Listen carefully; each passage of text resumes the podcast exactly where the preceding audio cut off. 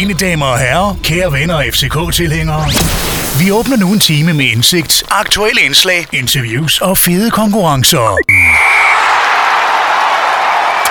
Det er ikke blevet mandag og tid til FC Københavns Fagligt Radio. Nikolaj Jørgensen sikrede os i går en sejr i en kamp, han næppe burde have spillet, og den takker vi gerne DBU for. Steve de Ritter lignede pludselig en fodboldspiller, og Niels Frederiksen mente, at hans hold endnu engang var blevet snydt i en kamp mod FC København. Imens er nedryknings, øh, nedrykningskampen i den grad tilbage, og det kan måske give os en lettere kamp i pokalfinalen, men mere om det senere.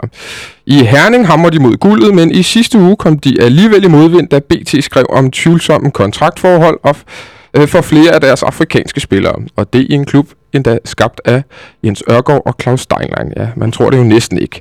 Vi er i gang her i studiet, så lad os så komme i gang.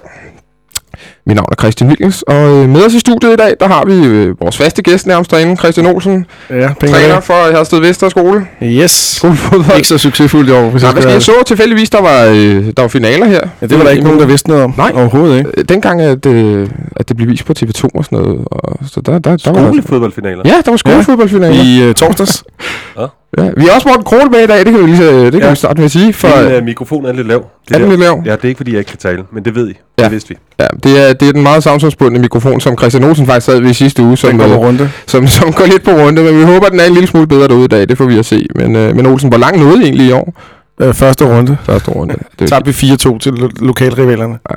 Ja, ja, nogle gange har I jo øh, haft øh, både FCK og Brøndby-spillere med, Ja, den ene Brøndby-spiller, vi havde med sidste år... Øh, nej, faktisk, vi havde to Brøndby-spillere med sidste år. Den ene, han var med i, i den udvidede trup herinde til den sidste, til det sidste derby, Og hvem var det? Magnus Højser. Og den anden, han var med på, på turen til Portugal, Joel Cabongo. Ja. Så de spillede skolefodbold semifinal sidste år, nu... Øh, det var meget spændende. Og der var du træner. Der var jeg træner. Ja, i, i jakkesæt og det hele. Den, er, den har vi Ja, hørt ja. rigtig meget om. Vi håber, at, øh, at I kommer lige så langt i, igen om et par år. Så har vi også Jesper Helmin med, medejer og redaktør for Bold.dk. Velkommen til. Tak. Øh, jeg kan jo næsten forestille mig, at du er en glad mand i dag, Jesper. Ja, det er Der blev en sejr til AGF, det ligner oprykning, og så var der øh, endnu vigtigere et mesterskab til Chelsea, som kom i, som kom i hus. Ja, det var jo øh, ligesom det skulle være den søndag. Ja, det er en okay søndag. Det var en fin søndag. Ja. Jeg, øh, jeg er i hvert fald rigtig enig på, på det ene punkt, det ved du. Øh, jeg Det ved sad også og jublede derhjemme i sofaen, og stod så i parken bagefter. Og så har vi øh, debutant herinde, fodboldredaktør på BT. Ja. Morten Krohn Sejsbøl, velkommen til. Tak. Hvis man har fulgt lidt med på øh, de sociale medier og så videre, så har man jo set, at du har, øh, du har haft en polterarben her øh, i weekenden. Ja, ja. Og der er jo faktisk en lille FCK-vinkel på det, for I var ude og skyde lidt strafspark på Kim Christensen og så videre. Det er rigtigt. Hvordan, øh, hvordan gik det? Det gik så godt, fordi øh, konkurrencen var jo, at jeg skulle score på mindst tre Okay. Og ud af fem. Ja. Øh, og hvis jeg ikke gjorde det, så måtte han så sparke bolde efter min numse. Ja. Jeg gjorde så det, at jeg udfordrede mig selv ved at sparke de to første forbi. Okay. Øh, jeg havde jo bare gummisko på. Ja. Det havde lige regnet lidt. Øh, så jeg skulle score på de tre sidste, og det gjorde jeg. Åh, det var stærkt. Så du, Suttede bolden, eller? Ja, det tvivlet nemlig. og så var der også noget med en, øh, en Real Madrid-quiz, øh, kunne vi se lidt, som øh, det. mod Ståle inde på tieren rent faktisk. Ja. havde taget sig tid til det. Øh, hvordan gik den quiz? Den gik også godt. Nej, den gik ikke lige så godt, men Nå. den øh, er, er bare, altså forhistorien er jo, at tilbage i 2010, Ja. ja. da FCK kvalificerede sig til Champions League, der havde jeg jo sagt, at hvis ikke de kunne vinde over Rosenborg, så var det en, øh, så var det en fiasko sådan set i, i lyset af, at det var det, man havde bagt op Ja. ja. til i, i fire år. Og det blev Ståle jo rasende over og sagde, at hvordan skulle jeg bedømme det? Jeg, altså du, Morten Krone, som ikke engang kan fire Real Madrid-spillere. Så der var Et nogen, fuldstændig legendarisk pressemøde, må man det- sige. Ja, Altså, der, er- der, der er mange stadigvæk den dag i dag, der mener, at jeg sad og græd en lille smule, da han sagde det. Men, men øh, du blev også verdenskendt i Norge på det der pressemøde. Jeg tror, VGTV havde den på og det hele. Ja, ja. Så, øh, så, og jeg bliver stadig ringet op fra Norge for, for at høre, hvordan, øh, hvordan øh, nu med Martin Ødegaard og så videre. Det, var, det gav mig et, et navn i Norge, det er jeg meget glad for. Men så var der nogen, der synes, jeg skulle øh, have den her Real Madrid, Real Madrid quiz mod Ståle, og, ja. og Ståle vandt. Og han vandt. Okay. Så, han- så han havde måske faktisk en lille smule ret alligevel. Ja, det ved jeg ikke. Altså, jeg vil jo, altså, jeg, jeg, min formodning er, at Ståle, han var øh, ædru, eftersom han var på arbejde. Jeg var, jeg var sådan begyndt at miste min ædruelighed. Okay. Men, øh, men ja, selvfølgelig er det ret. Jeg svarede en af Real Madrids spillere, der, øh, der, der var skadet i øjeblikket, der svarede jeg til sidst øh, Iguain. Altså, det er jo, Det- det, var et dårligt svar. Det, det er et skidt svar. Ja. Han spillede for Napoli i går. Ja, det det, det, det, det, det, det, det er et ærgerligt svar. Det er jo fortjent Men noget. det er okay til, til ens polterarm. Hvis man skal lave fejl i en, en fodboldquiz, så må øh, trods alt være det. Så skal jeg jo sige, at vi er utrolig glade for at sende i dag, for det, og vi vil samtidig undskylde, at vi ikke øh, fik sendt øh, i, i sidste uge. Øh, det var helligdag om fredagen, og det, det er simpelthen mere end vores adgangskort til parken, det er umiddelbart kunne klare, på trods af, at vi egentlig var blevet lovet, at vi kunne komme ind, og det er vi rigtig kede af. Øh, vi fik endda lukket, øh, jeg ved ikke, hvor mange af Rasmus Kofods øh, små, øh, hvad hedder det, kokke og folk ned fra, fra øverste etage for at prøve at lukke os ind, og de, men, men lige lidt hjælp det. Vi kunne simpelthen ikke komme op i studiet. Men det kunne vi heldigvis i dag, så, øh, så nu sidder vi klar, og vi skal igennem et program, hvor vi øh, starter lidt med at snakke om den kamp, vi spillede herinde i, øh, øh, i går mod Esbjerg og vandt til 2-1. Christian Olsen. Yes. Hvilken, øh, hvilken kamp så du med, med, med FCK og Esbjerg i går? Med FCK-briller så jeg et, et godt resultat, men en elendig kamp, specielt, specielt første halvleg. Det var, det var som at se, øh, hvad skal vi sige, øh, pokalkampen i torsdags på, i reprise. Det var ja. sløjt, det var usammenhængende, det var, ja, der var sgu ikke, der var ikke noget struktur. Meget, meget, meget skidt. Hvad ser du så sker i anden halvleg for det dag? Jamen, jeg, jeg tror, der sker egentlig ikke så meget andet, end vi, vi, vi går lidt højere op og blokker dem lidt mere. Vi skifter remmer ind. Det, det giver ikke nødvendigvis det helt store, tror jeg. Det giver lidt mere frem af baner. Det ser vi til sidst i hvert fald. Men, men lige til at starte med giver det ikke noget. Men så langsomt, som Niels Frederiksen også siger, så får vi, øh, får vi, får vi langsomt presset den gennem vores fysik blandt andet. Øh, det, der undrer mig, eller det, der, når man ser på det FCK-hold, det, der undrer mig, det er, at Ståle snakker meget om relationer. Og jeg stod og kiggede på sådan en Sigurd Darsson. Øh, han har ingen relationer med nogen andre på holdet. Øh, det virker som om, han ikke træner sammen med holdet. Det, han bliver fuldstændig rundt i blinde. Øh, Rui Gislason, den anden islænding, ikke fordi jeg har noget mod islænding, vil jeg godt lige sige. Han er også fuldstændig øh, panisk i alt, hvad han foretager sig, og der kommer ingenting fra de to sider. Og så er det ligesom lagt op til Nikolaj og en... Øh, og Steve de Ritter. Steve de Ritter ved vi jo alle sammen tager lidt for mange berøringer på bolden, ja. så det, ja, det var skidt. Men vi fik tre point. Jesper, jeg ved ikke, om du var herinde i går, eller sad og så den derhjemme, eller om du faktisk overhovedet så den, men, øh, men øh, det her FCK-hold, Olsen snakker lidt om, der mangler offensive profiler, der mangler noget offensiv smartness og nogle, nogle relationer. Det har været gennemgående tema snart i ja, en hel sæson, og måske endda lidt til. Hvad skal der, hvad skal der hentes ind af, af, af folk til sommer? For noget skal der ske. Jamen det, det skal der helt sikkert. Det er også det, vi lidt snakkede om sidste mand, at, at det hele det afhænger selvfølgelig af, hvordan og hvorledes øh, situationen er med de her spillere, som er skadet. Altså hvornår er Cornelius klar, hvornår er Mankwa klar, hvornår er Tutu klar. Øh, men men øh, som Ståle også selv åbnede lidt op for efter kampen i går, jamen, så er de nødt til at gøre en eller anden ting, øh, fordi at, at man ved ikke, hvornår de er klar, og de er givetvis først klar i løbet af efteråret, så han, han skal vel ud i nogle af de her lejeaftaler, som vi også snakkede lidt om, at, øh, at det kan blive løsningen, og, og der er ingen tvivl om, at han skal finde en eller anden, som, som på en eller anden måde kan let presse for Nikolaj Jørgensen, fordi det er meget tydeligt, at alle de andre hold, de har set, hvor det ligesom skal komme fra. Det, mm. er, det er fra Nikolajs side. Morten Krone, er vi simpelthen, er FCK simpelthen blevet, altså de er for lette at, at stikke? Er det Nikolaj Jørgensen, og så, så hvis man tager ham væk, så kommer der ikke andet? Ja, det, det, det er jo ikke helt forkert, vel? Øhm, der, der, jeg synes jo, nogle, nogle gange så har FC København det der, jeg ved ikke om det er det, man kalder det fysiske overtal, eller hvad det er, når de spiller den hurtigt frem og, frem og tilbage op på, på modstanderens felt. Altså, der formår de stadig jo at, at lægge et pres på modstanderen, som man næsten ikke uh, kan slippe ud af. Og det synes jeg var altså, på det seneste faktisk mest bemærkelsesværdigt mod Esbjerg sidst, I mødte dem i parken mm. i den første pokalkamp. Der var FC København jo sindssygt gode, øh, og det var jo vanvittigt, at den kamp blev 1-1. Øh, de to efterfølgende kampe har Esbjerg været langt mere med. Øh, men de kan lægge det der pres uden at have den, øh, den overraskende spiller, men der er selvfølgelig brug for den. øh, den spiller, som også kan, kan tage træk udenom om modspilleren. Mm. Og jeg synes jo, det er jo det Ståle, han har egentlig talt om nu i, hvad, tre transfervinduer eller sådan noget, at de manglede den, der skulle, der skulle kunne lirke modstanderne op, og der har de prøvet lidt med Kaka Niklic, eller Kasa Niklic, mm. eller hvordan der, øh, hvad der nu er det rigtige. Øh, øh, han var en af dem, ikke? Det var jo ikke nogen stor succes. Tutu er en, der er blevet sådan rykket lidt længere tilbage på banen. Han var ellers på et tidspunkt en af dem, der skulle kunne gøre det. Bolaños har så er faldet fuldkommen ud på samme måde, som Gislason er senere. Ikke? Så der, der har jo på, på, i, i perioder her, er det på det seneste, er der jo prøvet nogen, og der har været nogen, men det er rigtigt, at, øh, at den, er ikke, den er ikke blevet fundet, øh, den, den løsning, der, der øh, ligger ud over Nikolaj Jørgensen. Olsen, kom der ikke et eller andet for Steve de Ritter i går? Jeg har også set flere folk på, på Twitter og på de forskellige FCK-sider osv., der, der roste hans, hans indsats i anden halvleg i går. Jo, og jeg tror, det hænger sammen med, at han blev rykket længere tilbage på banen. Han fik noget mere plads. Jeg tror, det virker som om, han har det svært, når han ligger tæt på, på modstanderen. Han, mm. de, de der berømte mellemrum, som Ståle faktisk har snakket om, det, det er som om, det er det, der så får han lov til at lave de der fire vendinger og 17 berøringer, inden han sender den videre. Jeg gad godt at se, at han lavede en vending og smed den hurtigt videre, så tror jeg, at han vil blive meget mere effektiv. Og så er han også enormt dårlig i sine afslutninger stadigvæk. Altså, han, ja, en stor målscore bliver han sgu nok aldrig. Og det undrer mig lidt. Det er vildt. Altså, ja. han, minder, han minder mig meget om uh, Daniel Broughton egentlig, den der måde, han har sin boldomgang. Men Broughton havde ligesom bare et, et lidt højere europæisk niveau. Ja. Uh, og når, når Steve de Ritter kommer alene med mål, man ved man jo, han ja. ikke scorer. Broughton havde så den der med, at han kunne vifte et hvilket som helst anden forsvarsspiller spiller i Superligaen væk med sin røv, hvis man kan forstå det på den måde. Ikke? altså, jeg har aldrig set en med så meget fysisk kontrol, som han havde. nej, nej, det var imponerende. Jeg, jeg vil godt lige sige noget andet. Ja, øh, øh, Foley kom ind, spillede 20 minutter. Jeg synes faktisk, han gjorde det glimrende på den kontrollerende midtbane. Det var også sådan helt Philip Lahm-agtigt at spille, smide en højre Ja, ja, ind på øh, den kontrollerede midtbane der. Det, jeg tror ikke, han er nogen øh, længere, altså en løsning, der holder, holder længe, men det var hele tiden små, lette afleveringer, den nemme løsning hele tiden, holde spillet i gang, og det var der brug for, for at kunne, øh, ligesom kunne presse Esbjerg, men hele tiden havde, havde en, en hurtig boldomgang, og så var han desuden også, øh, Europa også et par bolde, plus han stak vist en af Esbjerg-spillerne i, i dybden med en, med en stikning også, Mm. så alt var ikke fejlfrit. Vi spiller vel næsten en 4-3-3 faktisk i anden halvleg. Præcis, ikke? ja. Altså Ståle laver faktisk om i pausen, fordi at øh, den opstilling, vi altid spiller 4-4-2, var overhovedet ikke virket. Morten, du... Øh... Nå, jamen, nej, det jeg markerer på, det var egentlig bare, nu, når du nævner Foley, øh, øh, så i relation til det. Jesper Helmin startede øh, med at sige, at der, der er noget med nogle lejeaftaler. Det har jeg også godt set Ståle have talt om. Jeg synes bare ikke rigtigt, at lejeaftalerne har været nogen succes indtil videre. Foley, øh, Sigurd Arsson. Var det egentlig, er det et rigtigt køb, eller hvad det Nej, var? det er lege med købsoption. Ja, det er sådan der. Carsten Niklic var jo heller ikke nogen succes. Altså, det, det, jeg, jeg synes, der er plads på holdet til at, til at hente en, øh, en, en kreativ kanttype. Det Ståle siger er jo, at kassen er mere eller mindre er tom, virker det som om. I hvert fald, at der ikke er råd til at gå ud og erstatte dem, som er skadet, fordi de lønkroner er ligesom bundet op. Øh, men men skal, vi, skal man som FCK-fan frygte, at der slet ikke bliver købt noget? Nej, det tror jeg ikke. Der er, også, der, er også, der er jo også øh, der er masser af penge, men, men hvis han mener, at man skal have en 35 millioner kroners erstatning for, Mm. for Cornelius, så, så er det nok det, han mener, at det, det, er der, det er der ikke råd til. Nej, det er nok rigtigt.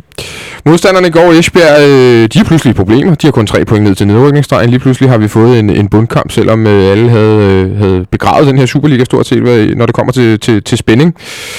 Jeg synes, jeg ser et noget presset øh, Esbjerg-hold, og også nogle, en presset træner. Og, øh, de har tabt rigtig mange kampe her på det sidste, og nu har jeg også øh, lige siddet og kigget på, på slutprogrammet. De har så faktisk et okay slutprogram i Esbjerg, synes jeg.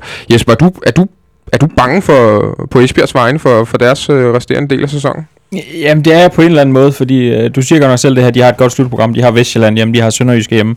Så Silkeborg hjemme også. Silkeborg hjemme i, øh, i den kommende runde. Så ja, deres program er sådan set fint nok, men, men jeg er nervøs set ud fra det perspektiv, at som du også selv nævnte, så har jeg jo lidt en forkærlighed for nogen, der rykker ned sidste år. Ja. Øh, og jeg ser lidt det samme hos Esbjerg, Ja. som jeg så hos AGF. Den her manglende erkendelse af, at man kan rykke ned. Øh, og det var lidt som om øh, med AGF sidste år, at, at da man først erkendte, at man kunne rykke ned, der var det ligesom for sent at rette op på det her. Og, og det er lidt de samme tendenser, jeg ser hos Esbjerg. Altså jeg synes, Øh, jeg synes, Esbjerg har mere kvalitet, end AGF havde, da de rykket ned. Det, det er jeg slet ikke i tvivl om, at de havde. De har, de har mere at komme med offensivt. Defensivt øh, er jeg måske sådan lidt mere tvivlende omkring det, men, men altså, det er mest den her selvbevidsthed, som Esbjerg ligesom skal have på plads, øh, hvis de skal overleve. Øh, det, det tror jeg, de gør, men, men, øh, men det er vigtigt, at de får på plads snart. De ligger lige nu med, med 28 point. Øh, FC Vestjylland ligger med 25, og så har vi øh, Sønderjyske på 9. plads med 31. Sønderjyske tror vi ikke kommer i. Altså, der, trods alt 6 point for, for Vestjylland til, til Sønderjyske. Mm. De kommer vel ikke i problemer, Olsen. Er det, det, det er imellem Esbjerg og, øh, og Vestjylland? Ja, helt sikkert. Øh, det, det tror jeg, jeg vil... Lige to ting. Nu, nu snakker man meget, roser man meget øh, FCM for købet af Pusic. Det er jo åbenbart afgørende også for Esbjerg, at de mangler Pusic. Mm. Så, så sådan er det. Men øh, jeg sidder og kigger på en ting med FC Vestjylland. Det er jo, at øh, mandagen før pokalfinalen, der møder de jo øh, FCK. Godt nok på hjemmebane. Så har de øh, pokalfinalen om torsdagen, og så skal de til Hobro om, om søndagen. Det er tre kampe. Jeg har ikke godt nok kendskab til Vestjyllands trups fysiske tilstand, så jeg ved ikke, om, om de på en eller anden måde kan vælge at underprioritere måske pokalfinalen, eller spe, specielt hvis de slår FCK, Mm. og de kommer Om tæt på mandagen. om mandagen for Ja. eksempel. Der kan godt være et eller andet skisme der, sådan, som de nok skal, skal tænke lidt over. Jesper? Jamen lige præcis det fysiske er jeg faktisk ikke nervøs for med, med Vestjylland. De hentede Janus Blond, øh, fysisk træner i Sønderjyske i vinter.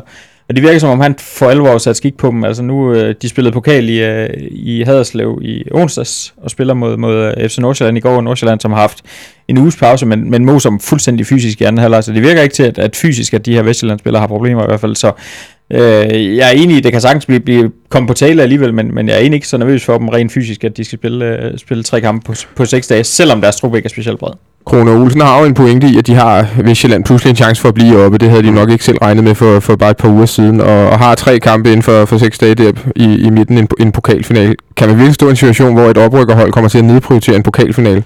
Ja, det er et godt spørgsmål. Det bliver spændende. Det, ved, det aner jeg simpelthen ikke. Ja, jeg kunne ikke forestille mig det. Altså, øh, jeg, kan ikke, jeg kan næsten heller ikke se, hvem det egentlig var, man skulle øh, pille ud. Der, kunne, der kan selvfølgelig være nogen, der måtte løbe rundt med, med småskader. Ja, det synes jeg simpelthen er så svært at, at forestille sig, at det der kan ske. Lige, lige nu, altså det kan også, der kan også ske det, at, at Esbjerg, de, øh, at, de, at de tager, eller øh, at det på, på andre måder sætter point til at gøre, gøre overleven, øh, overlevelseskampen mere sandsynlig øh, øh, for, for Vestjylland, og så kan det være, at der er nogle puslespil der. Jeg, jeg ved sgu ikke, det synes jeg er svært at forestille sig. Olsen? Ja, og- ja, nu kan jeg sgu... Men det er jo derfor, det er sjovt, du nævner det. Altså, det er jo et kæmpe dilemma lige pludselig Ja. at stå i. Ja, jeg tænker for, FCK, eller for øh, øh, DBU's egen skyld, så, altså jeg ved ikke, om det kan lade sig gøre, men altså kan man ikke rykke den kamp fra søndag til, til hurtigt til en lørdagskamp eller sådan noget Ja, lignende? for mandag. Jo. Ja, jeg. undskyld, fra mandag til, til, til lørdag, det må være alle interesse. Det kan man ja, ikke, eller det, det er for sent at gøre for tv. Okay, Det er, der, er, der er syv dage til kampen. Det er jo... Det, det kan man ikke gøre nu. okay. Vi, kom, vi kommer til om en uges tid til at, snart at lave en pokalfinale special, også en, en, en special om pokalturnering, fordi den øh, er der i hvert fald rigtig mange, der synes konstant bliver nedprioriteret og, øh, og trænger i den grad til at, til at få noget liv i sig øh, pokalturneringen. Men jeg vil sige, det er jo heller ikke gavnende for, for pokalturneringen, at, der, at de to hold, der, møde, der skal møde, spiller mod hinanden om mandagen, øh, og, og dermed kun får to dages hvile. Det er jo ikke, det er jo ikke en optimal situation. Det kan jo ikke det være det optimalt for DBU selv. Nej, det er ikke særlig optimalt for nogen. Nej. Øh, hvis vi lige kigger på, på, på, på bundstillingen eller på, på kampprogrammet, så er Esbjerg de tre næste kampe, der har de øh, Silkeborg hjemme, de har FC Nordsjælland ude, og de har Sønderjyske hjemme. Altså, de er vel også i en situation, Esbjerg, hvor at, øh, de bør kunne sætte det på plads øh, i de tre næste kampe. Hvor, øh, hvor Vestjylland samtidig har et ret tæt kamp, øh, kampprogram også med pokalfinalen, Jesper. Det bør de uden tvivl, men, men man kan sige, at sådan en kamp som den mod Silkeborg på, øh, på lørdag, den er sådan både god og dårlig, fordi altså det, selvfølgelig burde de vinde den her kamp, men, men vinder de den så ikke, jamen så gør det også dobbelt så ondt, som hvis man ikke vinder for eksempel over, hvis det var OB eller noget af den stil, de havde. Øh, så, så det kan godt vise sig at give lidt bagslag, hvis, hvis man ikke kommer i gang, og hvis man ikke, øh, ikke får de point, der ligesom skal til i de her kampe. Fordi så kigger man lige på, på resten af programmet, og det ser noget sværere ud. Jamen, øh, altså, hvor står, hvor står Esbjerg så? Men så, og så er vi jo, vi er jo derhen nu, hvor uh, rigtig meget af det også er mentalt. Uh, fordi jeg kan da ikke være i tvivl om, at det der OB, slutter, Esbjerg hold, det er, det er bedre end uh, Vestjyllands hold spiller for spiller. Der er jo næsten ikke nogen spillere, tror jeg, som Niels Frederiksen ville tage fra Vestjyllands Mhm. hold. Uh, det kunne du godt være, han kan bruge Rasmus Festersen. Uh, og hvis uh, Jonas Knudsen han skulle blive skadet på venstre bak, ville han da også gerne have Michael Lund. Men ellers er det jo ikke særlig prangende, hvad de har i Slagelse. Jeg er ked af at sige det. Uh, men lige nu, der, der foregår der jo bare det, der spiller op i hovederne, hvor Slagelse eller øh, Vestjylland har fundet øh, et momentum. Esbjerg er begyndt at blive bange, og Sønderjyske, som skulle være den tredje part, de har bare prøvet det før, og jeg ved godt, det er sindssygt klichéer at sidde og fyre af, men det er jo bare, mm. det handler kun om det. Det handler kun om det nu. Øh, hvis ikke, øh, ja, øh, for, for de tre involverede der. Og man må sige, det lignede et, et meget ramt Esbjerg-hold i går ved, ved slutfløj. Selvfølgelig har de også lige øh, mistet et point i øh, to minutter før tid, men de så, de så, virkelig, de så virkelig ramt ud. Det lignede endnu et gok i nøden. Og deres træner, Niels Frederiksen, har også været lidt øh, en af de konkurrerende øh, aviser, øh, har, har skrevet en del om, øh, om Niels Frederiksen her sidste par dage. Øh, han er gået amok, skriver de. Det er jo, det er jo et ord, der, der tit bliver brugt i flæng øh, på, på visse tabloidaviser, men, Ej, men dem, der så det tv, de ved godt, hvad der bliver ment. Ja, men han er faktisk gået, han skulle også være gået amok igen i går i mixzone efter kampen og, øh, og talt øh, rimelig alvorligt til, til en ekstrabladet journalist. Ikke engang øh, Claus Elund, som han jo ved navns nævnelse nævnte efter deres sidste kamp i, i, i til TV3 Sport, øh, men, men den her gang til, til en anden ekstrabladet journalist. Øh, Morten Krone, er, er, ligner, er, ligner han en pressemand? Selvfølgelig er han presse, men ligner, ligner han det også? Ja, må, ja, det synes jeg, han gør. Han er også temperamentsfuld. Øh, nu kan jeg nu godt forstå, at han er blevet sur. Okay. Jeg hørte ikke lige det der mixzone i går, men, øh, men øh, uden at jeg skal hænge kollegaer ud, for det hader jeg, når de selv hænger mig ud. Men jeg har hørt, at, øh, at øh, Niels Frederiksen har fået opbakning fra sine spillere, og ikke, og ikke det modsatte. Så det kunne man godt undres lidt over. Men, øh, men, men fuck nu det, det er, bare en, det, det, det er bare en historie. Det burde være vand under, under broen for så mange andre træner, men for Niels Frederiksen lige i øjeblikket er det selvfølgelig noget, der er betydningsfuldt han vil jo ikke have siddende på sig over for øh, ledelsen og over for de spillere, der ikke måtte have hørt et eller andet, der eventuelt mm. var, øh, at, at han er presset, og at der er nogen, der stiller spørgsmålstegn ved ham. Øh, så øh, ja, øh, han er presset selvfølgelig, synes jeg, når han reagerer på den måde. Men jeg tror, han har haft et helt øh, forår, hvor han har følt sig presset og irriteret. Det, øh, det ved jeg fra omveje, at han har været øh, sindssygt irriteret øh, over, at ledelsen meldte ud, at de skulle ind i top 6, når de samtidig solgte tre profiler, efter at have solgt to store profiler i sommer. Han ville virkelig gerne have haft, at nogen havde lavet om på den målsætning, så, så, så der bare et mindre pres på ham selv og hans spillere. Han vil vel også godt have sluppet for at, at miste de spillere, han, han slap i, i, Ja. vinter? Ja, det ville han jo gerne. Øhm, det, det, det ville han gerne.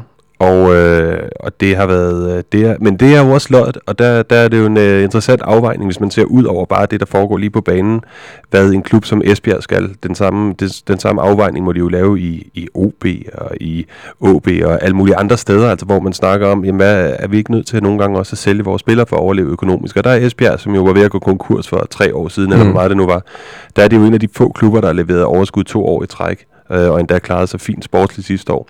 Der er de måske prioriteret økonomien lidt for højt, og det tror jeg i hvert fald Niels Frederiksen gerne vil skrive under på. Ja.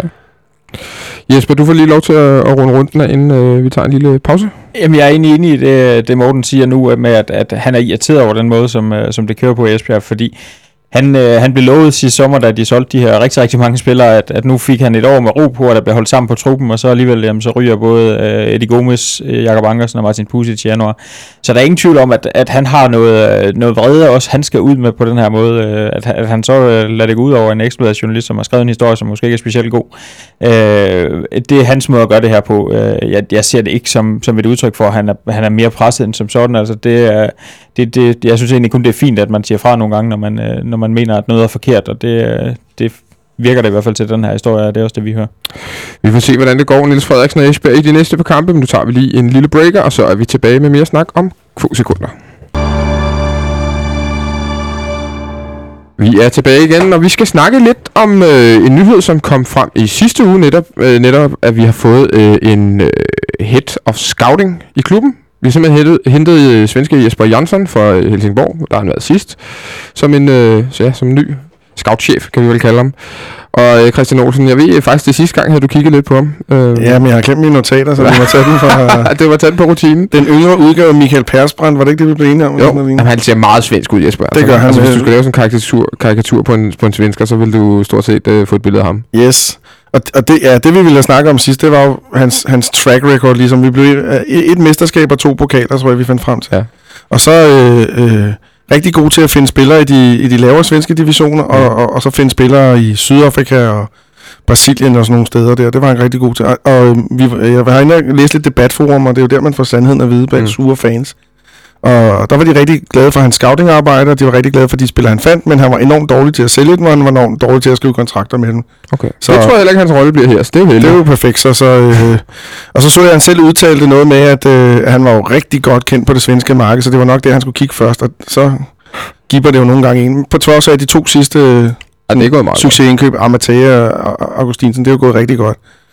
Øh, ja, så, så øh, det jeg stusset lidt over, det er, at de sidste par ansættelser i FCK, det er stort set alle sammen udlænding, en, øh, en øh, svensk øh, psyko- sportspsykolog, en øh, svensk chief of scout, en norsk fysisk træner til ungdomsarbejdet, og en øh, engelsk Premier League, tror jeg, eller irsk. ja. irsk øh, Premier League øh, erfarings, øh, hvad hedder sådan en, head of medical. Ja, et, vi er glade for head of et eller Ja, andet. de er i hvert fald vilde med engelske titler inde i klubben, eller FCK, det er helt sikkert. Det kan være, det er derfor. Men, øh, men, men, men altså, Men synes du, det, synes du, det er kritisabelt? Nej, synes nej, du, nej. det er ærgerligt, eller hvad synes du? tværtimod, jeg, jeg, altså Jeppe på bjerget her, ikke? det er jo bare Ja. ja. pragtfuldt, at der kommer nogen udefra.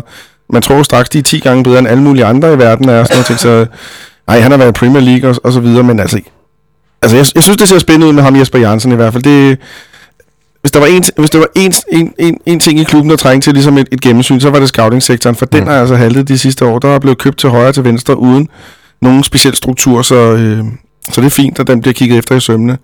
Og ja, så er der fire mand ansat til det nu, og hvad var der for et år siden, var der en, ikke? Så det Ja. er jo også... Det, det er godt, der bliver opjusteret, for det er virkelig... Og som de hele tiden bliver ved med at sige, at vi skal være hurtige ude på markedet, vi skal være tidligere fremme, og så videre. Det må være skridt i den retning, så, så, så det bliver spændende. Morten Krone, Jesper Jansson, var det et navn, der sagde dig noget, da han blev præsenteret? Øh, Jeg fik det jo at vide, da jeg var på polterappen. Så lige der, der tænkte jeg, Ja, det er faktisk rigtigt. Jeg så, at øh, Michael Kovaci, han, han, han må nærmest, var han med på polterappen? Ja. Han må have nærmest set ham gå forbi derude, og så skrev det på Twitter. Nej, vi fik, vi fik det at vide, da vi sad ude i, uh, i tieren, så, uh, så siger Jes Mortensen, som jo er jeres pressechef, Ja. ja. som var med på min polterappen, vi, har- vi har jo lige præsenteret en ny head of scouting, uh, så det var det, jeg fik det at vide. Um, så, nej, det, det, så det sagde mig ikke det store, men jeg så kan forstå, at det var ham, som var sportschef, da jeg prøvede at købe, uh, Mathi, hvad hedder han, Mathias Gerndt? Alexander, Alexander Alexander, Gerndt. Mathias Gert skal vi sgu ja. Nej, Alexander Gern, det er rigtigt, over i, øh, i Helsingborg. Og der var jeg selv over at tale med ham. Jeg vidste så ikke lige, det var ham. Jeg kan huske, at jeg var over at tale i... Kan I huske, at FCK spillede træningskamp mod Ja. Helsingborg? Det var jo et uh, Yusuf Tutus første kamp, tror jeg. Øh, Kedelig 0-0-kamp. prøve. Han var, ja, nej, kedeligt. Det var så rigtig godt vejr. varmt. Ja, solen skinner. Tutus første kamp, øh, se, hvad han sagde. Jeg ser noget i ham, og det er jo så meget godt set. Ja. Nå, men det jeg talte med ham, der var han jo flink og informativ, sådan som øh, svenskere rigtig ofte er i fodboldbranchen. Øhm, derudover så øh, fik vi jo ikke så meget ud af det, og I kom heller ikke til at købe den her spiller, så, øh, så det er en rimelig svagt kendskab, jeg lige sidder og prøver at tale en lille smule om. Jeg kan faktisk huske det der træskamp, men jeg tror ikke engang Gern spillede, og jeg kunne, Nej, det er at rigtigt. vi, vi FCK-fans, der var over og gik derfra med den fornemmelse, altså, den er hjemme, ja. Ja. altså han bliver købt i morgen. Ja. Og han kom ind på et tidspunkt, og, og der var hele stadion klappede. Helsingborg-fans klappede selvfølgelig, fordi det er deres topscorer. FCK-fans, der var overklappet også. Jeg tænkte, ham køber vi lige om lidt. Mm. Det skete så ikke. Jesper, kender, kender du noget til ham? Nej. Jesper Jørgensen? Nej. Det er, jo det, det er jo det jyske, du holder dig til, ikke? Så, så, Jo, så for- svenskerne og sådan noget, det, det går ikke. Ja, nu har jeg ikke fået en svensk sport til. Åh, ja. lige se. Ja, ja, det har han. Han er ikke lige så svensk sådan udseende som ham her. Nej. Men det jeg dog vil sige, som du også siger, Olsen, altså der er jo virkelig, øh, der er jo virkelig rustet op på, øhm, på scoutingmarkedet nu her i FC København, og det, er, det, tror jeg er, det tror jeg er så øh, afgørende. Det har, vi gjort, øh, det har vi gjort en del ud af sådan gennem årene, i hvert fald for et par år tilbage, lavede vi nogle artikler på BT om det dårlige, den dårlige scouting i Superligaen, øh, hvor der var mange, der undrede sig over, at, at, at Danmark virkelig kunne gøre sig lidt ud af det. Jeg tror, det er vigtigt at, og, øh, og bare simpelthen øh, få, få et kendskab til dem, der render rundt i, i, i Danmarks egen baghave. Altså der er mange i, i Sverige og i Norge, som vi, som vi ikke engang sådan kender rigtigt, og i, i det nordlige Tyskland. Øh, så, så det tror jeg er et rigtig godt sted at gøre en indsats. Altså, jeg synes, det bedste eksempel inden for det sidste års tid, det må være Malmø FF med dem, de har hentet og solgt, og det er jo flere hundrede millioner næsten, og, og har allerede gang i et rigtig godt hold igen, så, så endelig gå den vej. Men tror du, vi kommer til at se flere spillere for, for Sverige så? Ja, helt sikkert. Altså, Men det handler jo også om at ramme de rigtige spillere. Ja. Mm. men de, de to sidste har jo været glimrende, må man sige, ikke? Jo, og det har været rigtigt, og det er jo nemlig, de har jo nemlig en alder, hvor det ikke var sikkert, man lige havde opdaget dem. Altså, det er ret unge spillere begge Ja, præcis. ikke? og de blev, op, og, og de blev opdaget, opdaget i, en, i en ung alder. Altså, den, den helt gamle historie øh, om Zlatan, der rendte rundt i Malmø. Man sagde, at alle kendte Zlatan, men i Danmark var der sgu ikke nogen, der kendte ham, sagde Peter Sørensen, der spillede med ham på det tidspunkt. Peter mm. Sørensen kunne sige herhjemme, jeg spiller sammen med en, der bliver verdens bedste. Øh, ham var der sgu ingen, der havde hørt om. Det skal man jo være. Altså, vi skal jo, de danske hold skal jo også kende U17 og U19-spillere i, i Sverige og Norge, er, er, er min påstand. Men, men nu øh, Malmø har været fast inventar ved KB Cup de sidste 100 år, så jeg tror nok, de kendte ham. Lige Og så, så, Malmø, øh, i hvert fald, og så så vi ham inde i parken i en træningskamp, og der så jeg ham i hvert fald, og der tænkte jeg, der var jeg meget enig med Peter Det var Sørensen. Zumas debutkamp, var det ikke? Jo, det tror jeg, ja, hvor han også spillede. Ja, det var, det var, det var, det var egentlig det var en ret fed kamp, når man tænker en træningskamp, Zlatan på den ene og Zumas øh, første kamp i en FCK, tror jeg, øh, på den anden side. Jeg kan huske, Holmstrøm har sagt, at de havde nogenlunde... De vidste godt, at der var rent noget rundt derovre. Det kan godt være, at det har været noget KB Cup, det er kommet fra. Jeg ved dog ikke, om Zlatan har spillet, spillet KB Cup. Det tror jeg ikke, han har. Men øh, Lydlig har vundet den. Ludvig har vundet den, og når han siger, at han har lyst til at spille i FCK, siden han øh, spillede øh, øh, KB Cup som, øh, som 14-årig, så går det jo... Det, det, det, det, det er totalt cheap shot, men det går lige i hjertet. Altså, den rammer jo bare. Det er jo så fantastisk, jo. Det kan ikke være bedre. Vi øh, skal lidt bevæge os videre for Jesper Jansson. Ham, øh, vi må se, hvad han hiver op, øh, både her til sommer og i de kommende transfervinduer, men, øh, men umiddelbart ser det i hvert fald spændende ud. Vi skal til at snakke lidt, øh, Morten Kroner, om den historie, som I havde i sidste uge. Øh, en øh, historie om FC Midtjylland, og øh, historien handler jo i korte træk om, at... Øh, man har en fornemmelse af, at FC Midtjylland nærmest har udstyret nogle af de her spillere med en agent, der er, der er ven af huset. Nogle af de her afrikanere, de har hentet øh, og placeret på deres akademi. Mm. Vil du fortælle lidt om den selv, historien, hvad, hvad det er, jeg har fundet frem til? Ja, altså i virkeligheden, øh, i virkeligheden er det en historie, der sådan kom til os for et par måneder siden eller sådan noget, og i, i den periode har øh, to af mine kollegaer talt rigtig meget med, med ja, syv spillere, syv øh, afrikanske spillere fra Midtjylland. Øh, det er så kun tre, der har stået frem med navn, men, øh, men de har talt, øh, de har været frem og tilbage mellem Herning og mødtes meget. Og øh, i sådan forløbet kom det frem, at de følte, at de blev, at de blev simpelthen forskels, forskelsbehandlet.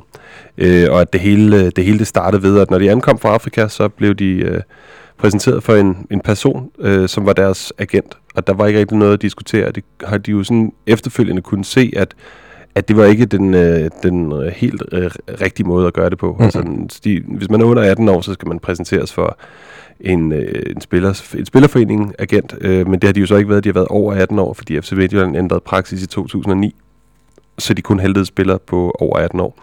Øh, men der skal man så, når man er over 18, så skal man så øh, på en eller anden måde have en agent, som så ikke er noget, klubben pådutter en.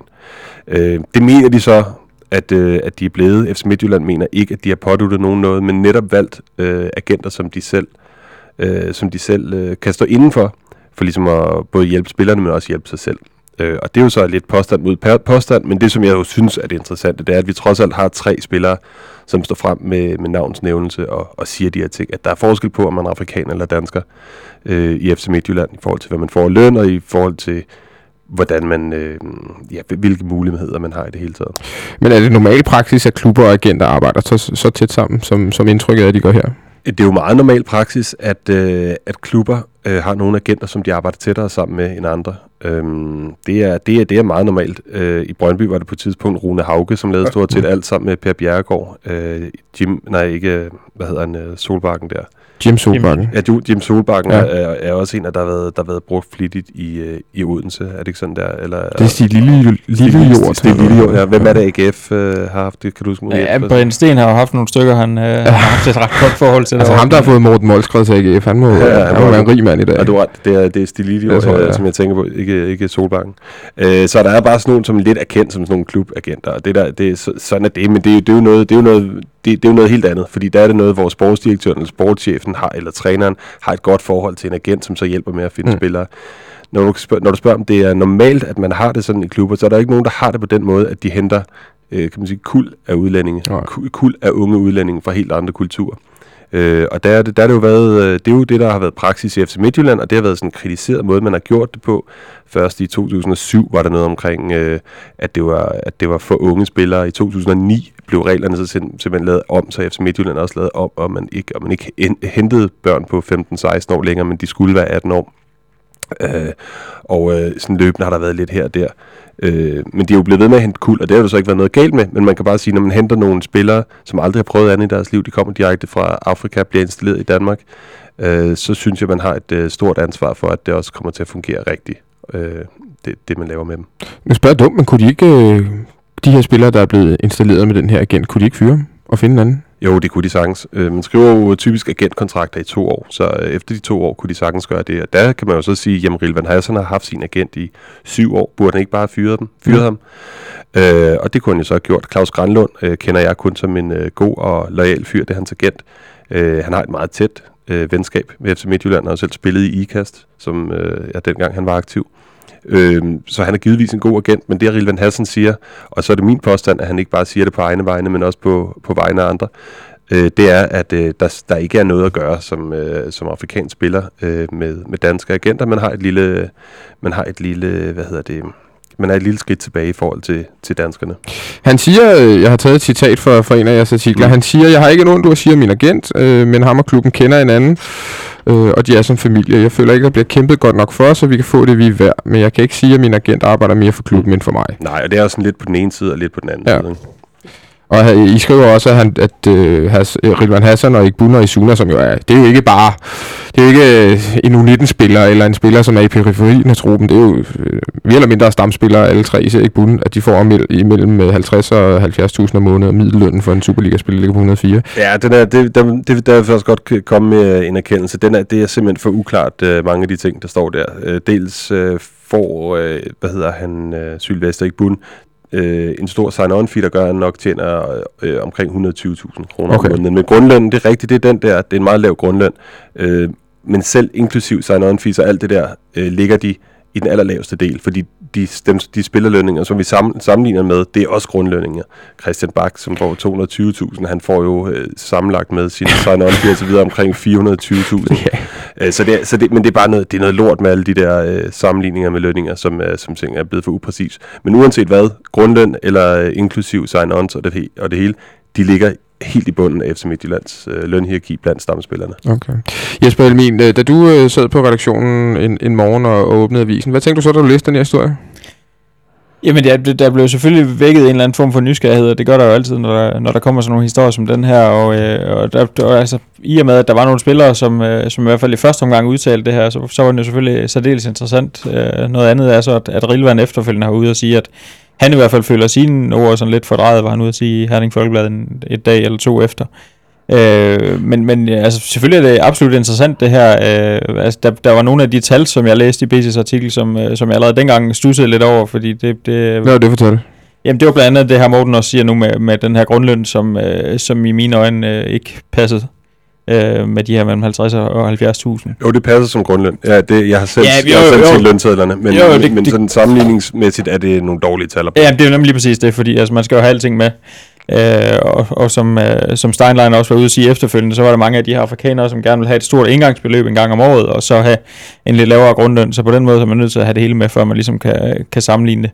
Øhm, og, og på den måde, altså, øh, det kan sagtens være, at, at de her afrikanere ligger, ligger lavere end, øh, end de øvrige spillere i FC Midtjylland. Det, det skal jeg ikke kan sige, men, men øh, altså for mig at se, at deres lønninger ikke sådan, sådan fuldstændig... Øh, fuldstændig øh, ude af proportioner, Synes- altså, synes du sådan ikke- på den negative måde. Synes du ikke, Sylvester ikke bunds løn er relativt lav?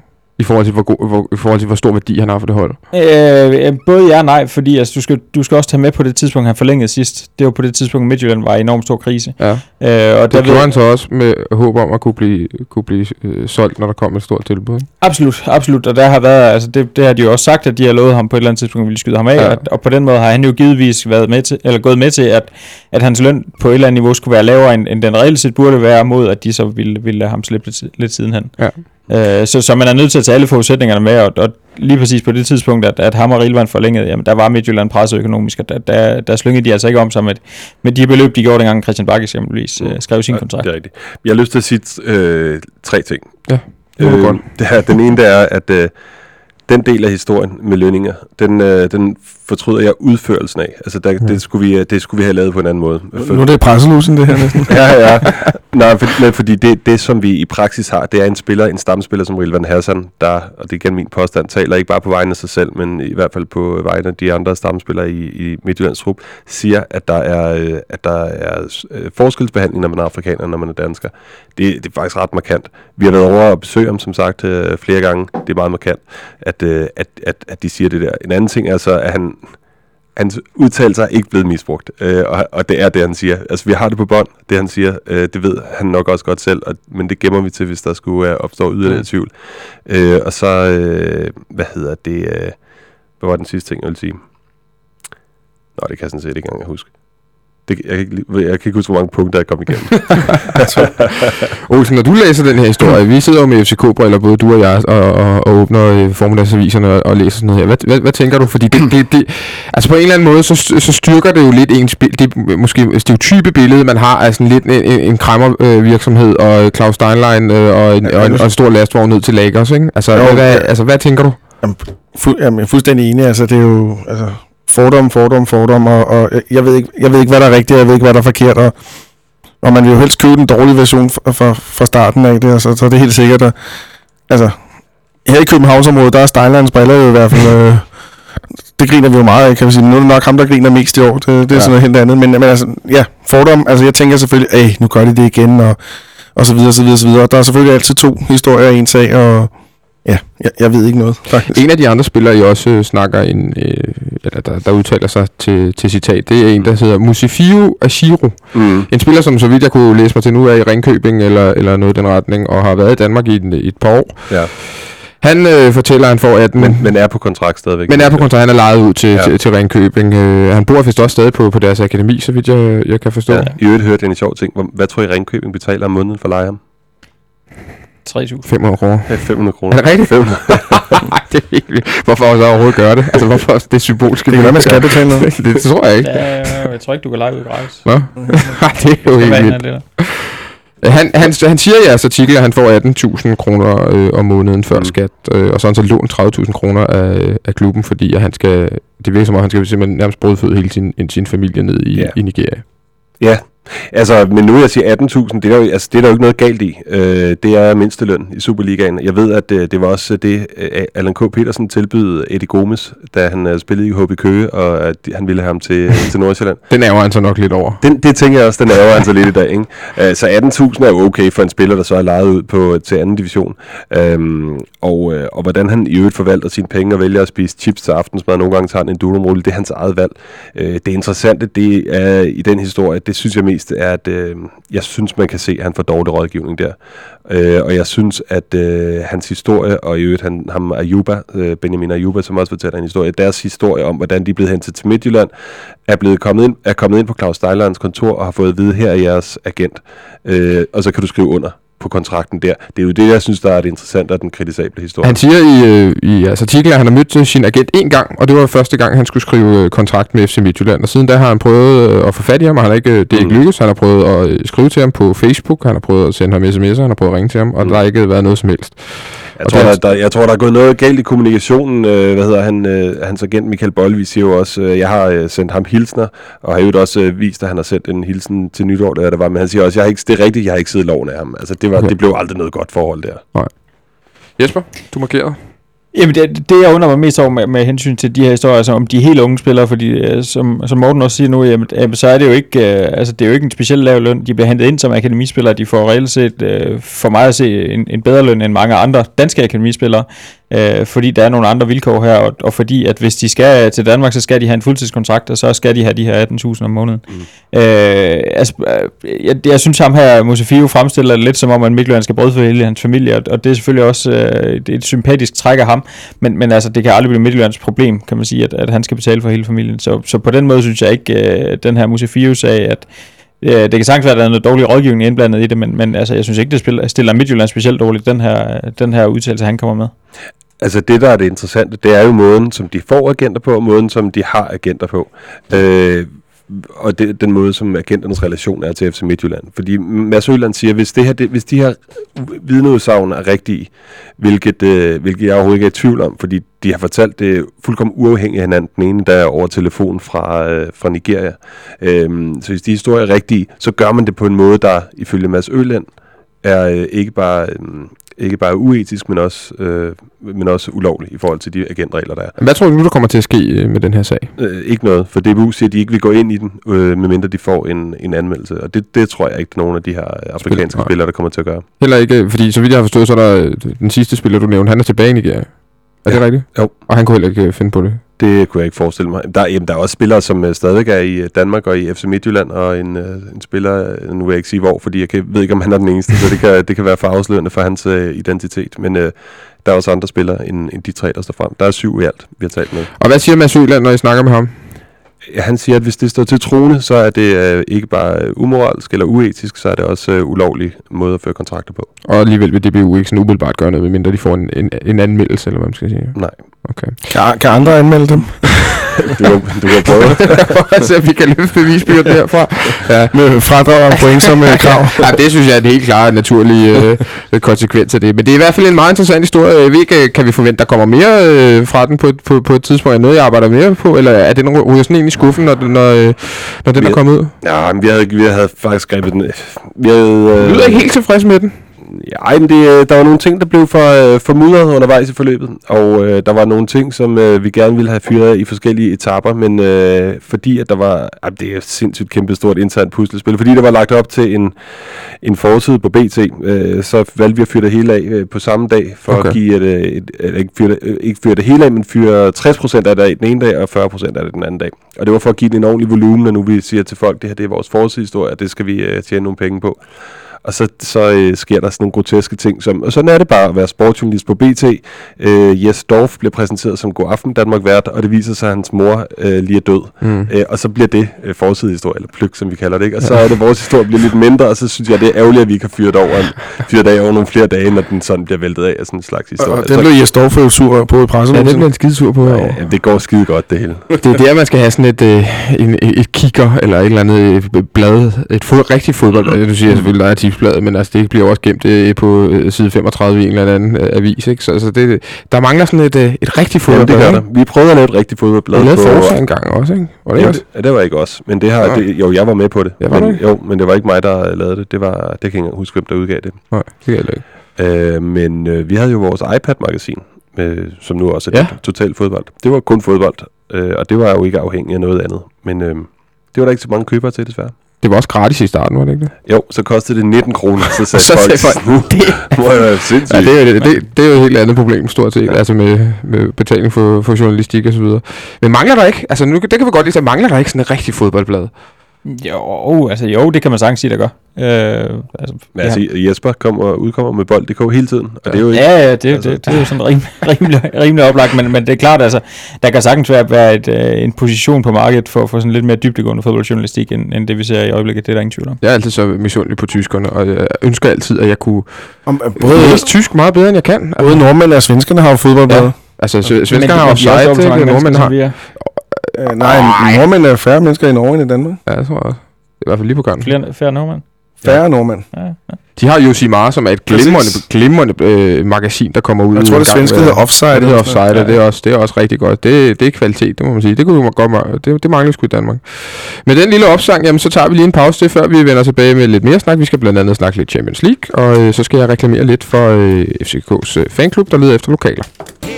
Og vi skal øh, starte med at øh, de hører jeg lovede FCK FC, fanklubben, de søger efter nye lokaler. Basically så øh, bliver de øh, tyret ud af de lokaler, de har nu. Og de søger gode lokaler tæt på parken, minimum 100 kvadratmeter med god plads til fanaktiviteter, søde og forstående naboer, der i perioder kan tåle en lille smule støj. Og de sætter øh, meget gerne et sæsonkort på højkant til dem, som kan vise vejen til, til nye fanklublokaler. Og det øh, vil være en stor hjælp for, øh, ja, for, for alle, der kalder sig fans af FC København, hvis, hvis fanklubben får sådan noget. Der, øh, der bliver lavet indtil flere fede aktiviteter for fans og tifoer ikke mindst. Og øh, dem har vi jo alle sammen glæde af, når vi skal spille nogle store kampe. Forhåbentlig også i Europa på et eller andet tidspunkt, men selvfølgelig også til derbys og så videre. Så hvis der sidder nogen derude, der har en idé til, hvem der kunne huse fanklubben, øh, minimum 100 kvadratmeter, jamen så må I endelig sige til, at I kan skrive til, til, til fanklubben på deres øh, website og på e-mail, eller ellers så må I skrive til os på Twitter, eller hvor vi ellers er på Facebook, så skal vi nok øh, videreformidle den kontakt. kontakt det, det lover jeg. Til sidst her i programmet, jamen, så skal vi øh, snakke lidt øh, Champions League. Vi skal nemlig... Øh, jeg, jeg går ud fra, at alle skal se Champions League semifinaler her i, i midtugen. Det er øh, Real Madrid mod Juventus, og... Nej, det er Juventus mod Real Madrid, og øh, Barcelona mod Bayern. Kort... Øh, ja eller nej, hvad vil jeg sige. Hvem går videre? Øh, Jesper Helmin, hvem går videre? Det gør Real Madrid og Bayern. Hvad siger du? Jeg siger Real Madrid og Barcelona. Så, nu, Jeg siger også Barcelona og Real Madrid. er, det ikke også, er det ikke også den, alle lidt håber på, så vi kan få et El Clasico i finalen? Jo, er, er det, altså altså, jeg- ikke være fantastisk? Jeg havde håbet på, den der, vi skal se på onsdag, var blevet i finalen. Det synes jeg har været sejt. Bayern München og Barcelona. Ja. Men øh, Nu får vi så to opgør. Ja, der det er fordele og ulemper øh, ved, ved det hele. mm. Olsen, hvilken final? Hvis du selv skulle vælge, er det så også dem, du tror, der går i finalen, du rent faktisk Altså, hvis jeg selv skulle vælge, så skulle det indholde være Liverpool. Så skulle det være Liverpool FCK, det ved jeg godt. Det har sgu nok lang Nej, udsigt. det var helst ikke, fordi så jeg lige gå under bordet og skrige. Altså. Øh, nej, altså... Øh, ja, altså lad os få dramaet. Real Madrid, Barcelona, ja. der får du dramaet, der får du det hele. Øh, en kamp, jeg har allerede nu glemt, hvor finalen skal spilles hen. Warszawa, eller var det sidste år? Eller? Det ved jeg faktisk Det er. Europa League, der bliver spillet i Warszawa. Okay, hvor er det, den skal spilles hen? Berlin. det er Berlin. Berlin. Fedt stadion og fedt det hele. Ja. Lad os få, lad os få den ben- øh, finale der, altså. Det, det, det synes jeg. Øh, øh, ja. Bayern er jo ramt af utrolig mange skader. Nu så jeg så, at øh, Robert Lewandowski var med til træning i dag alligevel med en eller anden fancy øh, maske på, fordi han har brækket ind til flere knogler og så videre i hovedet øh, til, i pokalkampen mod Dortmund. Det er jo selvfølgelig rigtig, rigtig vigtigt for Bayern. Men de har mange skader. Hvem, hvem- ser du går videre der, Jesper? Jamen, eftersom jeg lige bød på, at Bayern kommer i finalen, så, så, så, så holder jeg fast i det. Ja, det kan jeg godt forstå. Hvorfor tror du, de går videre, på trods af alle skaderne? Jamen, på trods af alle skaderne, altså vi snakkede også om inden, øh, inden FC Porto-kampen, den her returkamp, hvor de har tabt 3 i de første kamp, at, at de her mange skader ville komme til at gøre rigtig, rigtig ondt på Bayern, og det, øh, det gjorde det ikke. Øh, de spillede jo helt igennem fantastisk fodbold, og det, det formår Bayern bare på en måde, som, øh, som jeg ikke engang synes, Barcelona spiller op til, når, når de spiller allerbedst lige nu. Øh, de her skader gør selvfølgelig ondt, men jeg synes faktisk, de spillere, som kommer ind i stedet for, især på midtbanen, det giver noget mere dynamik på Bayerns midtbane, og det, det tror jeg faktisk kan blive det, der bliver afgørende mod, mod Barcelona. Men Barcelona er jo helt fantastisk spillende i øjeblikket. Altså, de spiller Ja, de scorer otte mål hele tiden i... Det Jo, jo. mod... Øh, Ja, og 7-0 i de fem mod, mod Ja. Cordoba, ikke? Men altså, øh, han, de er ikke særlig gode. Synes du ikke, Barcelona er særlig god? Jo, jo, er Nå, er god. jo, jo. jeg tænker, det er alligevel lidt, Jo, jo, det er vildt at melde op. Jo, jeg synes, jeg synes Barcelona er absolut et, øh, sagt på jysk, fornuftigt hold. Ja. Øh, og, øh, men, men altså, man, man skal bare ligesom øh, kigge på, altså, hvem de står overfor, fordi at, at, at slå Cordoba 8-0, jamen det, øh, det, kunne, øh, det kunne mange hold på en god dag, tror jeg. Ja. Øh, Barcelona har de her tre, øh, Neymar, Suarez og, og Messi, som selvfølgelig kommer til at true alle. Jeg synes, deres midtbane har, har ikke været lige så stærk i den her sæson, som vi har t- set tidligere, og, og den er også, altså det er sådan, det er ikke blevet fokuseret ret meget på, at vi ikke har set så meget fra midtbanen, fordi de her tre helt frem har, har skabt det hele. Men jeg tror, når først den her midtbane kommer under pres, så, så tror jeg altså, at øh, det, det tror jeg godt kan blive et problem for dem. Men det, er jo- det, er jo det, det, er jo det, det er jo det, der er så spændende. Vi mangler jo stadigvæk at se de der to øh, hold, både Barcelona og Bayern München, blive udfordret på netop det, de selv er allerbedst til. Altså, hvem, hvem, øh, hvordan ser de ud, når de møder et andet hold, der er lige så god til at have bolden selv, lige så god offensivt? Øh, jeg sad og tænkte på det, da så Bayern München Porto. Øh, Bayern München spiller jo, ja, de, sp- de spiller hurtigt og lidt mere aggressivt, og de har nogle flere strenge at spille på, men når de spiller på den måde helt op på Portos banehalvdel, tænkte jeg på det tidspunkt, hvordan, øh, hvordan vil Barcelona så reagere, altså hvordan vil de få øh, slået, slået den, den anden vej og, og tage det initiativ, de står med nu, og hvordan vil Bayern München reagere på det? Det, det synes jeg bliver vildt sjovt at se, det glæder jeg mig rigtig meget til. Og nu nævnte, når nu nævnte Lewandowski, så tror jeg faktisk, han er den vigtigste, han er egentlig vigtigere end, end Robben og, og, og Ribéry i forhold til at blive klar som, for skader, fordi det er der, hvor de har et, et ekstra våben og en, en, en streng mere at spille på end Barcelona. Det er noget, noget fysik og noget, der Mm. foregår lidt i luften. Ikke? Øh, Så det, der, der, det tror jeg er det, der udvider, udvider deres repertoire mest, selvom de to selvfølgelig øh, kan noget, noget som, som meget få i verden kan. Olsen øh, Krone snakker om, at vi får en kamp med, med to hold, som jo selvfølgelig vil have bolden hele tiden, og det kan blive, det kan blive meget, meget spændende. Ser du det på samme måde? Ja, det må blive sådan en kamp, julemand vi elsker at se. Altså, possession, possession. Altså, det, der tæller for Barcelona, det er formen, og det er de tre forreste. Der er jeg meget enig med Jesper. Det, der taler for, for Bayern München, det er, at deres mesterskab er afgjort. De kan stille med det stærkeste hold ud fra det, de har. De bliver ikke presset mere, og så videre, så videre, så videre. Men jeg synes bare, at de har for mange skader. Altså, jeg har skrevet det ned her. Robben, Alaba og Barstue er med sikkerhed ude. Ribéry er meget tvivlsom. Lewandowski er tvivlsom. Så er vi ved at være der, ikke? Mm. Øh, og så, så har jeg lige været lidt i øh, analerne og set, at de har mødt hinanden otte gange, og Bayern har vundet fem, to uafgjort og en Barcelona sejr. Så det er måske noget, der tyder på, at øh, Bayern har taget på den. Nå, men så, så er det jo sjovt, så bliver det jo... Jeg elsker jo historien om, at uh, Guardiola skal, skal møde sit gamle hold. Uh, og der synes jeg, det bliver vildt spændende at se, øh, hvordan han griber den anden rent taktisk, fordi han jo bare er, er min påstand i hvert fald, verdens, uh, verdens mest innovative træner. Altså han, han er den, der i øjeblikket finder på de nye ting, der sker. Det bliver sjovt at se, hvordan han Jeg har lige en anden ting. sit eget hold. Øh, Jesper nævnte noget om, en, en, en, Barcelonas midtbane var, er, lidt, er lidt vakkelvogn, eller lidt, ikke så god. Der må jeg sige, ham der skulle have spillet på den her Mm. spiller for Bayern München, han Ja. er fantastisk Thiago for tiden. Synes jeg. Mm. Thiago, som, ja, som vi jo faktisk har sin bror på øh, Barcelonas hold, han kommer så nok ikke ind, Rafinha, men vi kan rent faktisk få to brødre i, i semifinalen på hver sit hold. Jamen, Sergio, øh, Sergio Busquets er stadig en af dem, der har flest øh, bolderobringer og flest øh, præcise Jeg tænker måske i stedet for Rakitic eller- eller sådan noget Ja, Ja, Thi- hele Champions League. Thiago i stedet for, for Rakitic, så så det der Barcelona-hold, øh, så, så, så var de svært at tage bolden fra, ikke? Det må man sige. Thiago var ude i 8 måneder eller noget i den retning, han kom tilbage og spillede, spillede helt fantastisk. Jeg tror personligt, at øh, jeg tror Barcelona går videre. Jeg tror simpelthen ikke, Bayern kan holde øh, Barcelona for at lave et par stykker. Jeg tror, at de, de tre deroppe foran, de er så, øh, så giftige i øjeblikket, at de kommer til at, de kommer til at lave et par stykker på både, både hjemme og udebane, og det bliver afgørende. Så jeg tror, det bliver, jeg tror, det bliver bare så i finalen. Den anden kamp, den skal vi også lige huske. Det er jo faktisk en, det er jo også en god kamp. Den bliver næsten lidt øh, glemt i, i det her Barca og Bayern. Øh. Ja, for, mig, for mig er alting en lille smule træls, når det involverer et italiensk hold. Er, det, er, det virkelig den, er det virkelig den kliché, er- der er op af hatten? Nej, klichéen havde været, hvis jeg havde siddet og elsket italiensk fodbold. Se mig. Er det, fordi det, det, Jeg synes- det er hipstervinklen på det? Ja, jeg synes simpelthen, det er så røvsygt. Men synes du, synes du Juve spiller så kedeligt? Og, Ja, og, nå. jeg synes, det er nogle af de flotteste fyre overhovedet i fodbold. Og, øh, det, det, men altså, altså, det kan være, at jeg kan få lukket min øh, kommende hustru til at se med, eller andet, det ved jeg ikke. Men altså, det er... Ej, nå. Ja, det, var, det ved jeg ikke. Det er en, sikkert øh, negativt. Men øh, jeg noterede mig dog også, at de kun har scoret... Øh, eller de kun har lukket et halvt mål i gennemsnit ind per kamp. Ja. Så kun scoret 1,3 mål i gennemsnit per kamp, mens Bayern München ligger på 3 mål i snit, som de har scoret. Ikke? Så der er jo en forskel på, hvor Ja. mange mål, der bliver lavet og Ja, lukket ind. Juventus har måske Paul Pogba med, han er vist også tvivlsom, men jeg tror, det ser ud til, at han, han spiller, han får nok, altså han får vel en sprøjte, vi snakker en CL semifinale, han skal jo spille sådan en kamp, ellers så er de jo heller ikke øh, helt, helt, helt, vildt mange, øh, helt vildt mange chancer. Real har dog også mange skader, må vi sige. Alligevel, så, så, så, så vidt jeg husker, nu har jeg allerede glemt det, så tror jeg alle tre, at de, at, at de går videre, ikke? Jo. Øh, men, øh, Og, og det er igen på grund af, hvad skal vi sige, topkvaliteten på de to hold. ja, Der er Ronaldo, Rodriguez, Bale. Der er de bare lidt skarpere end uh, Tevez og Lorente og hvad de nu hedder, selvom de har mange glimrende spillere. Altså, det, den bliver nok ikke så målrig eller så, mål, så angrebsrig som den første kamp, eller nu er det jo så den kamp, der bliver spillet først, så det Morten siger med, med, med Juventus italienske hold, det er, nok, det er nok de dyder, Juventus vil gå videre på i hvert fald. Ja, men, men, men en ting dog, som er meget fedt ved Ju- Juventus, det er sådan noget med øh, Vidal og Pogba, altså et par sindssygt fede Der er noget spillere. power.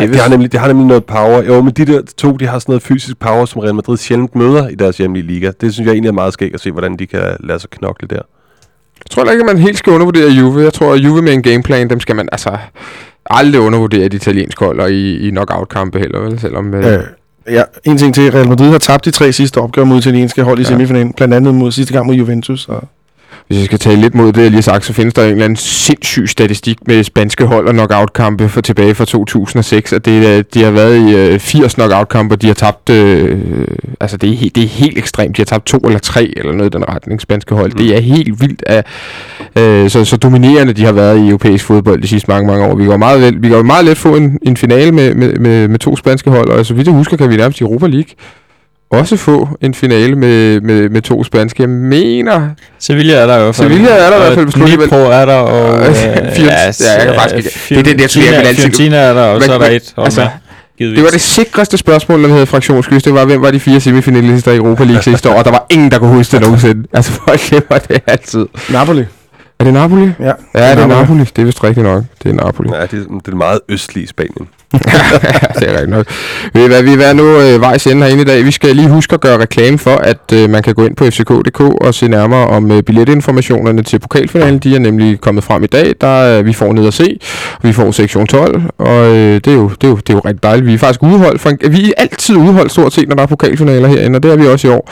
Men må ikke vi får lov til at spille i, i hvidt alligevel. Det burde jo ikke klasse med, med Vestjyllands øh, trøje. Men gå ind og se, og skynd jer at sikre billet. Det kan man fra på onsdag så vi kan få fyldt pakken op til en øh, lækker pokalfinale. Og som sagt, så skal vi snakke mere om pokalfinalen på onsdag, dagen før, øh, dagen før øh, Kristi Himmelfart. Jeg vil sige tak til de tre gæster, som øh, var med i dag, og til en øh, lille teams øh, fodboldsnak herinde. Det var som altid en fornøjelse, og så skal jeg sige, at på fredag, der sidder Anders Kampmann bag mikrofonen. Han tager over for mig. Jeg er i Berlin og drikker Weissbier, og det glæder jeg mig også til. Men jeg glæder mig også til at komme tilbage næste uge. Indtil da, så må jeg have det rigtig, rigtig godt, og tak til Jonathan Folk i teknikken.